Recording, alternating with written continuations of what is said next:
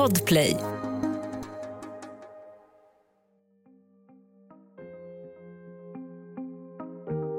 Politiker fångas på film när de pratar som rasister. Samtidigt som deras partier driver en annan linje. Det här är ett fantastiskt avslöjande. Och den som ligger bakom det är SVT-journalisten Janne Josefsson. Hans reportage gör att flera moderata politiker faller och det ändrar också hela valrörelsen. Betyder det att Janne Josefsson nu har gått över gränsen? Det här är Jag var där, en dokumentär från Podplay av Andreas Utterström och Mattias Bergman.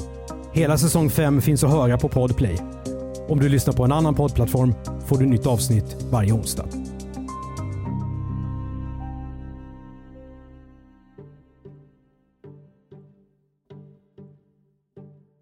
Man brukar säga att det inte är reportern som är viktig, utan den som bevakas och verkligheten som beskrivs. Men det finns några få svenska journalister som ändå blir igenkända. Till och med bara på rösten. En av dem är Janne Josefsson, Sveriges kanske främsta grävreporter. Mytbildningen kring hans arbetsmetoder är omvittnad. Varför blev du journalist? Så jag busade rätt mycket när jag gick i grundskolan. Eh, men för att inte göra min mamma illa framförallt så skärpte jag mig i nian och fick relativt bra betyg. Och ville bli, eh, jag blev marknadsekonom. Jag ville bli reklamman som man kallade det på den tiden. Reklamman sa man. Det blir Journalisthögskolan istället. Men jag tror att det handlade med, eh, också om att jag blev allt mer politiskt intresserad. Jag gick med i Folkpartiets ungdomsförbund. Mina föräldrar var båda socialdemokrater. Eh, men jag var också med och omvandlade Liberala studentförbundet till Frihetlig Vänster och Frihetliga Socialister och vi blev anarkosyndikalister. Det är senare tid jag har sagt det var inte Journalisthögskolan, det var Kommunisthögskolan. Alltså. Och nu är vi på, vi är 60-talet nu eller var är vi någonstans i tiden? Tror du jag var så jävla gammal att jag liksom var...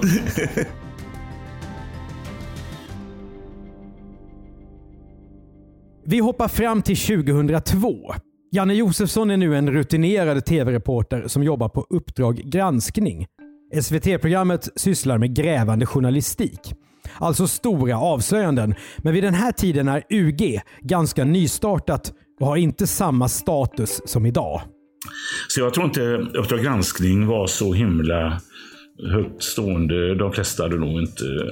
Jag tyckte också det var väldigt knöligt. Uppdrag granskning. Välkommen till Uppdrag granskning. Så att, eh, nej, det var... Men det är klart, det var ju Sveriges Television och det var prime time och, och det, det tyngsta samhällsprogrammet. Men eh, inte så där väldigt populärt. Eller, eh, det var inte många som kände till det, tror jag. Får Janne Josefsson alltid göra det han vill 2002? På Uppdrag granskning? Ja, det får jag nog säga. Jag har haft en eh, hög eh, svansföring och också ett eh, gott eh, förtroende. Det här är ett valår. Göran Persson är statsminister. Men frågan är om Socialdemokraterna kan behålla makten. Eller kommer Moderaternas Bo Lundgren att bli ny statsminister? Janne Josefsson är inte upptagen av den frågan, utan en helt annan. Går det att berätta någonting nytt om svensk politik som inte redan är sagt? Jag minns ju precis när jag eh, bestämde mig för, eh, eller när jag fick idén till eh, valstugreportaget. Eh, då sitter jag på mitt landställe i nu i Bohuslän som heter Åstol och sitter och tittar på valutfrågningen i eh, första delen av augusti där och blir frustrerad och eh, liksom, de kommer ingen vart. Och, eh, de, de tangerar inte de riktigt hårdföra frågorna. Vad som jag vet att migrationspolitiken, invandring och sånt där, enligt all forskning, inte var intressant för eh, det stora folkflertalet. Men jag tänkte nej, Nej, för helvete. Gå ut, sätt dig på vilken byggbarack som helst. Ställ dig på en bar en fredagkväll så hör du vad folk pratar om. Det är invandring, flyktingpolitiken som eh, dominerar. Jag tror att det är en, en, om inte den viktigaste, en av valets viktigaste frågor. Vilket det var då och vilket det är idag. Janne Josefssons hypotes är att politikerna har andra åsikter om invandring än den officiella linjen. Att de är lojala med partiprogrammen när det finns tv-kameror i närheten. Men säger något helt annat när de pratar med vanliga väljare. Och det här skulle kunna bli ett bra reportage. Varit med om liksom, när bandspelaren är avstängd så säger man något helt annat. För då är man säker på att allmänheten inte får ta del av det.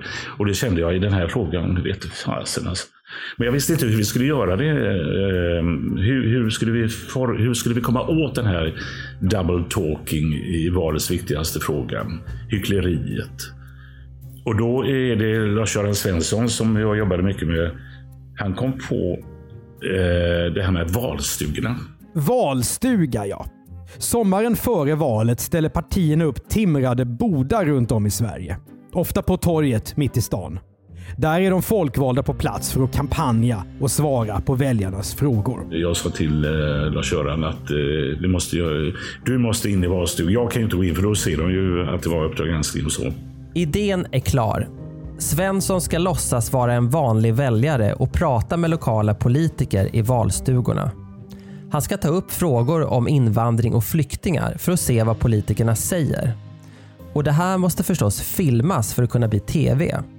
Men för att politikerna inte ska anpassa sina åsikter för att en tv-fotograf är med inne i stugan så ska Svensson filma i smyg. Var har han kameran?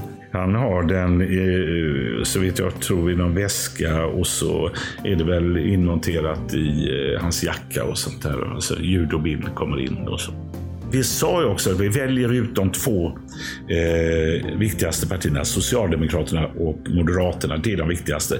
Hur, hur väljer ni då ut eh, vilka städer och orter ni ska åka till? Om vi börjar där. Det var en tillfällighet. Vi åkte till Kina, sen till Varberg, sen ner mot Halmstad, eh, Helsingborg och så vidare. Och så åkte det, det, det. Först hade vi tänkt åka upp till, eh, jag vet inte var, Skaraborg eller någonting. Men så hade eh, Lars-Göran glömt plånboken. Så det blev, den första blev Kinna, Vi åkte åt det hållet istället. Sagt och gjort. Reportageteamet åker ut på fältet. TV-tittaren kommer att få följa med till 54 slumpmässigt utvalda valstugor i 30 kommuner. Det låter som att du är ganska säker på att det finns ett hyckleri. Men var du orolig sen över att nu lägger vi tid på massa saker här och så kanske inte, vi kanske inte får någonting som går att sända innan valet? absolut.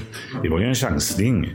Ska man vara eh, riktigt bra och oberoende journalist så borde man ju ha sänt det oavsett egentligen eh, vad resultatet blev. Vårt antagande var att kommer du in som privatperson och bara börja... Och han behövde ju inte säga så mycket provocerande utan det var som att trycka på en knapp så kom det upp väldigt mycket sånt här. Mycket sånt där ja. För det som tas upp av UGs dolda kamera är rent hårresande. Daniel Wiström, Kristdemokraterna, säger alla från öststaterna i princip, de bluffar. Ulf Björkman, Moderaterna, talar om gambier som kolsvarta och säger “Jag har bott i Afrika i en bananrepublik och fått nog av dem”. Dag Larsson, moderat, säger “Många kommer hit av ren bekvämlighet”. Peter Kvist, moderat, om chilenare. Sådana som Pinochet inte hann med. Bara två av politikerna som visas i reportaget säger emot reporten när han försöker provocera dem. Han behövde inte säga någonting mer än kanske, ja, jag, jag har flyttat in hit till eh, Ja, här blir nu Örkelljunga eller vad det var liksom. Och, eh, jag vill bara undra, för jag vill gärna inte bo i sådana här förorter. Och så, och så, var som att trycka på en knapp och så, så kom det. Och sitter du någon annanstans och ser det här i realtid eller tittar du på det i efterhand? Kommer du ihåg det? Ja, vid något tillfälle i alla fall så eh, sitter jag i en bil ihop med fotografen Tingman eh, i ett garage, utomhusgarage eller något sånt där. Eller, ja, i, i, jag tror det är i eh, Kristianstad. Där eh, kommunstyrelsens ordförande, jag tror han heter Christer Eve eller någonting. Ja, Christer Eve från Moderaterna kommer att få betala ett högt pris efter att Janne Josefssons reportage har sänts. Han säger så här på bandet. Så här låter det när programmet Uppdrag granskning sänds i SVT 2002. Jag kan inte säga att muslimerna är de som är sköter bäst. Om jag uttrycker mig lite fult kan jag säga de är duktiga på att föda de här barnen, liksom utnyttja vårt system. Just det, det är då jag hör att han säger vissa saker, bland annat till exempel att eh, ja, man borde så fort som möjligt göra som eh, Kjärsgaard i Danmark eh, med samma politik. Och när jag hör det så kommer jag ihåg att jag gör så här, upp med händerna och sånt här. Nu jävlar har vi något alltså. Nu kommer det bli bomber och granater. Nu kommer detta, detta kommer att få effekt, vad vi kommer att göra. För jag kommer ihåg det.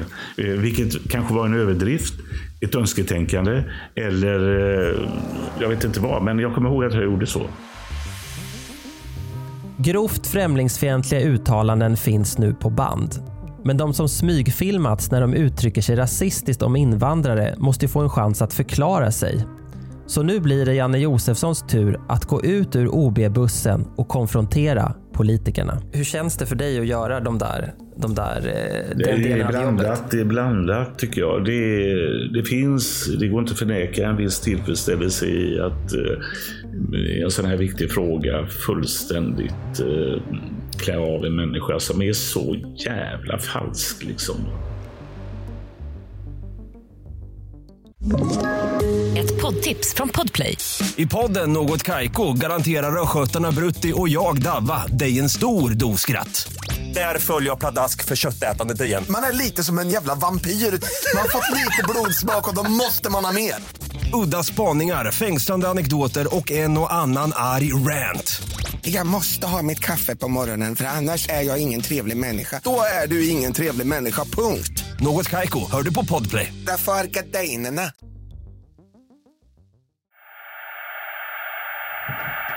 Vad är, vad är det vi ser nu Janne? Ja, det är ju en, eh, en av politikerna som nekar till att han har sagt det vi har inspelat. Och nu visar jag. Ja. Det är ju oförglömliga bilder, både för honom och mig. Men Att det här, det är inte du. Det är ju här han är i chocktillstånd naturligtvis. Man hör ju både på rösten och man ser på bilden att det är han. Och nu kan han knappt andas. Ja, fy fan. Jo, jo, jo, men det, det, jag vet ju att han eh, fick lida helvetets kvarn och eh, även eh, hans anhöriga. Om jag, om jag försöker sätta mig in i hans situation där, fy fasiken, det är klart. Det är hyckleriet det handlar om. I partiprogrammet står en sak. I valstugan sägs, som vi hörde, helt andra saker. Och när Janne Josefsson ställer politikerna mot väggen, ja då gör de avbön eller blir helt enkelt svarslösa. Det är ju någon sån här politisk schizofreni vi speglade då. Det vill säga, är det verkligen samma människa som står och pratar om det här? Eh, ja, det är faktiskt det. Man kanske sa det internt inom partier på medlemsmöten och sånt där, det vet inte jag. Eh, men eh, man kunde inte säga det när jag kommer och gör intervju med dem om det ska sändas eh, någon vecka före valet eller något sånt där. För då, då, då, då sa man något helt annat. I en sån viktig fråga, alltså det är detta är ju demokratins grundbult, valstugorna. Eh, att gå ut i ett val och stå och bluffa i de här jätteviktiga frågorna. Det är både fegt och skamligt och, eh, och en del är ju, eh, tangerar ju rasism. Men inte alla. Inte rasism, men en eh, väldig kritik mot invandrar och flyktingpolitik. Den som fördes av både Moderaterna och Socialdemokraterna. Det färdiga reportaget sänds i Sveriges Television den 11 september 2002. Det är bara fyra dagar före valet. Ja, så spelar det... Ja, jag vet inte. Det, det, det är klart det kanske... Det fick, de plockade upp det i nyheten också, så det är klart det lanserades hårt och sådär. Ingen inom Moderaterna kunde ju liksom stå bakom vad de här eh, som hade haft den här dubbel, eh, eller dubbla, dubbel, dubbelmoralen och sånt där. I, i, i, det, i, eh, I det programmet, Uppdrag granskning, så kommenterar ju Per Unkel och Mona Sahlin. Mona Sahlin hon, reagerar väldigt starkt mot reportaget. Medan Per Unckel liksom är överslätande på något sätt. Och, och eh, Han säger också, så förmedlar att vi måste våga prata om de här frågorna. Sen. Vi måste eh, vara öppna med de här frågorna om immigration och flyktingar och sånt där. Och då säger jag det som jag vet att han aldrig... Alltså, eh, Okej okay då. Nu är det två dagar till valet, Per Unckel. Vad är det man hittills inte har kunnat våga säga om flyktingpolitiken i det här landet? Och han blir ju... Han kan ju inte... Han säger ju ingenting där. Han kommer inte fram med någonting. Och jag minns då när vi går ut från studion. Han är så, han är så förbannad på mig. Han bara skriker åt mig och sådär. Men ja. De flesta som ser reportaget drar nog slutsatsen att det bevisar att politikerna är hycklare. Att de i intervjuer och debatter inte vågar säga vad de egentligen tycker om invandrare. Det är som Janne Josefsson nu har fångat på film. En annan slutsats är att politiker i en valrörelse inte vågar säga emot en väljare. Som i det här fallet visade sig vara en journalist med dold kamera. Men oavsett vilket, nu faller de folkvaldas huvuden som käglor. En av dem blir moderaten Christer Ewe från Kristianstad. Partiledaren Bo Lundgren kräver hans avgång offentligt och säger till och med att han föraktar honom. De sparkades ut från sina partier eh, längs eh, Ekoredaktionens nyhetssändningar. Så här, va? Och han går ju till eh, vallokalen i Kristianstad. Han var ju högsta kommunalrådet där eh, för partiet. Och, blir inte, och de har hyrt in, Moderaterna hyr in en eh, vakt som stoppar honom. Alltså det, snacka om... jag tänkte själv liksom. Är det ens lagligt? Ja, det vet jag inte, men eh, så, så har jag fått det beskrivet. Flera personer som blottas i valstugereportaget avgår självmant eller tvingas till det. Tre av dem lämnar sitt parti Moderaterna redan dag ett. Jo, men det är klart att det var många. Det var ju många som gillade och flera utav dem var ju då eh, kanske socialdemokrater och vänster, vänsterfolk helt enkelt. De gillade ju det att eh, högern eh, eh, åkte, på, åkte åt helsike här. Det blåser genast upp till storm. Janne Josefssons reportage är inget som någon politiker vill ha mitt under valrörelsens viktiga slutskede. Men han är van vid att få starka reaktioner. Jag har ju levt och lever fortfarande i, liksom med pansardörr och kamera i lägenheten och på skyddad adress och ibland har jag vakter och grejer. Och jag har pratat med människor om det här också, men det är det. Ja, men fan Janne, det är skitbra. Det är skitbra. Det är ju så det ska gå till. Du är den enda som vågar göra det och sånt här. Ja, du vet det där. Ge igen, ge dem bara så här. Men det, det där känner jag. Åh, är det sådana känslor, är det sådana reaktioner jag liksom uppbordar? Eller vad säger jag? jag eh, men, men, och så finns det de då som tycker, som kanske har någon anhörig som råkar till utan och som blir helt vansinniga och askar i min öl och sådär. Och det är klart, man ska inte falla till föga för den typen av liksom avrättnings eh, eh burdus populism, eller vad man ska kalla det. Men eh, jag har ju Ja, jag väldigt, väldigt många invandrare gillar det. Så att när jag skulle gå genom Saluhallen här i Göteborg så kunde jag inte promenera där utan att de plockade... Eh, de gav mig lammkotletter och satte i... Ett poddtips från Podplay. I fallen jag aldrig glömmer djupdyker Hasse Aro i arbetet bakom några av Sveriges mest uppseendeväckande brottsutredningar. Går vi in med hemlig telefonavlyssning och, och då upplever vi att vi får en total förändring av hans beteende. Vad är det som händer nu? Vem är det som läcker? Och så säger han att jag är kriminell, jag har varit kriminell i hela mitt liv men att mörda ett barn, där går min gräns. Nya säsongen av Fallen jag aldrig glömmer på Podplay. i byxfickorna och sådär. Argumenten mot Janne Josefsson. Han är inte neutral eftersom det är många fler moderater än socialdemokrater i reportaget. Och varför ge sig på lokalpolitiker och inte välavlönade riksdagsledamöter? Så hur gick det till när UG valde ut vilka orter de skulle besöka? Och varför sändes valstugeskopet precis före valet? Ska Janne Josefsson verkligen ta risken att påverka valutgången? Kan jag försvara reportaget, då ska jag kunna sända det före valet också. Att komma efteråt med detta, det, det hade ju... Nej, det, det kan jag inte eh, tycka. Moderaterna anlitar ju en PR-firma och påstod tre saker. Att vi hade åkt in till en slitslad bana. Påstod att jag var kommunist, det är många som tror, vilket jag varken är eller eh, så långt ifrån det man kan komma. Och sen sa de en tredje sak.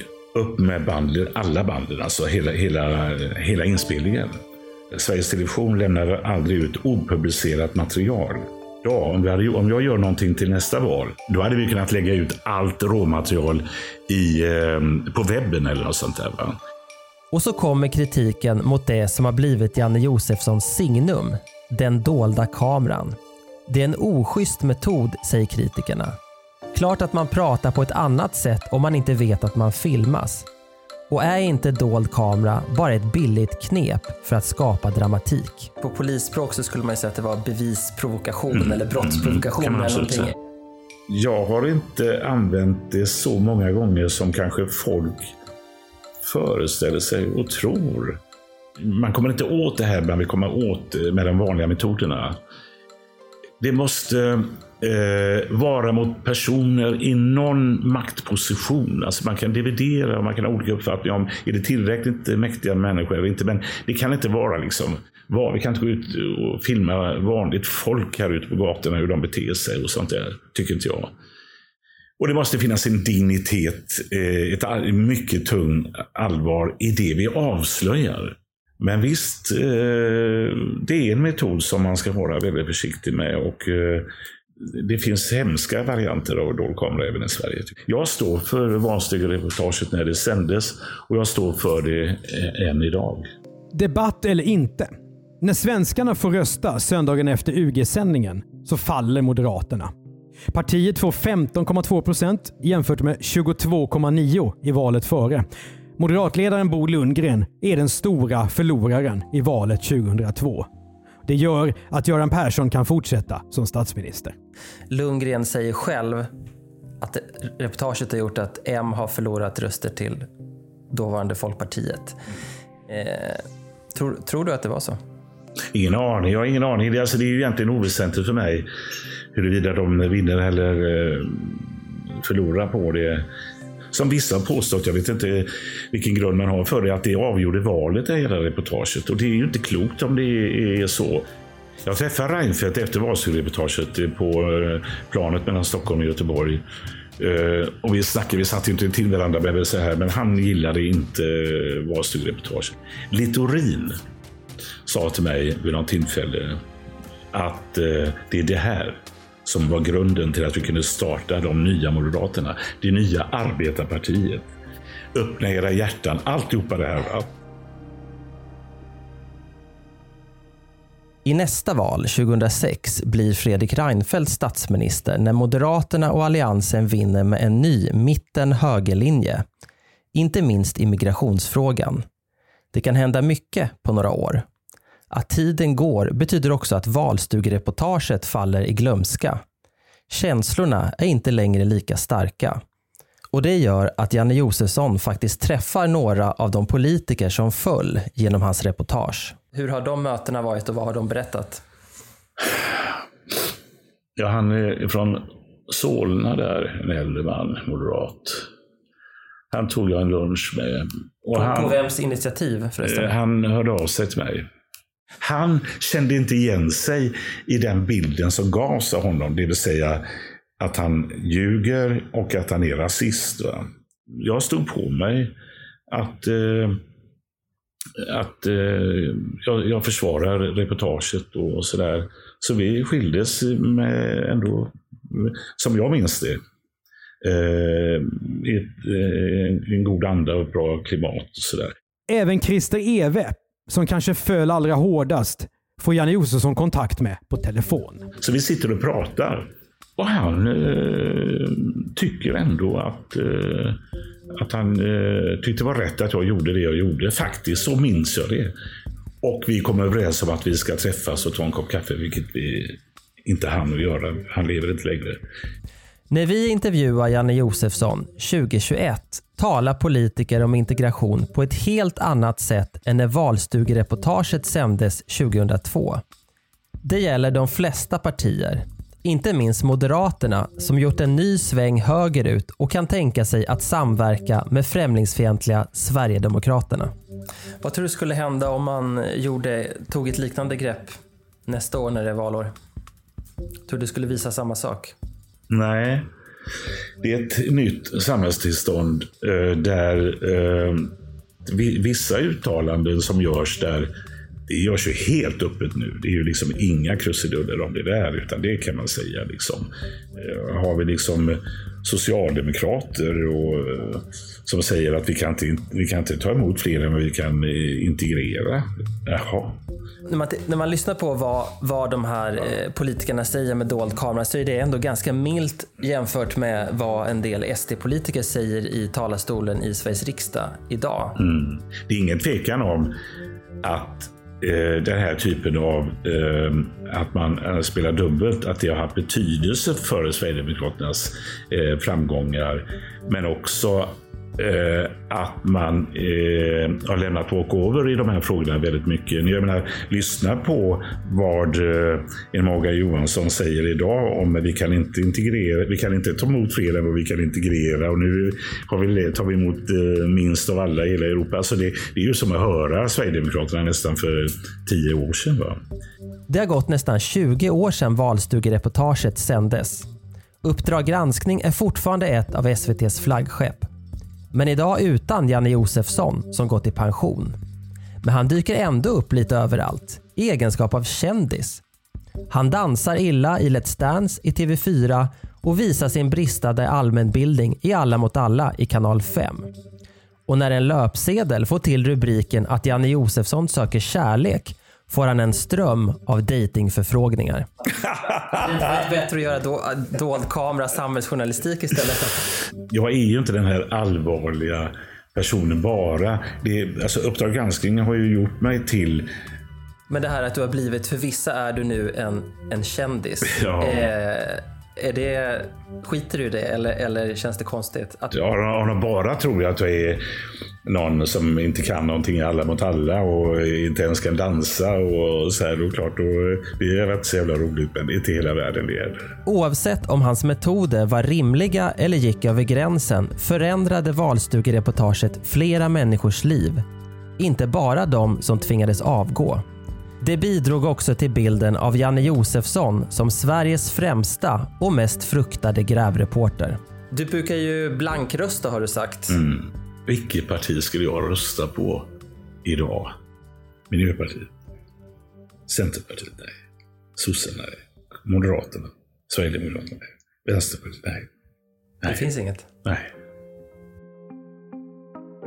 Du har hört Jag var där, en dokumentär från Podplay av Andreas Utterström och Mattias Bergman. Exekutiv producent Jonas Lindskov. Du kan kontakta oss på mail jagvardar.bplus.se. Det är B plus med bokstäver. För Podplay producerar vi även podden Misslyckade brott. Vi driver också specialistbyrån för innehåll Commercial Content och arbetar bland annat med medieträning. Googla medieträning 2.0 så får du se. De tio avsnitten i säsong 5 av Jag var där finns ute på Podplay. Du som lyssnar på någon annan poddplattform får ett nytt avsnitt varje onsdag.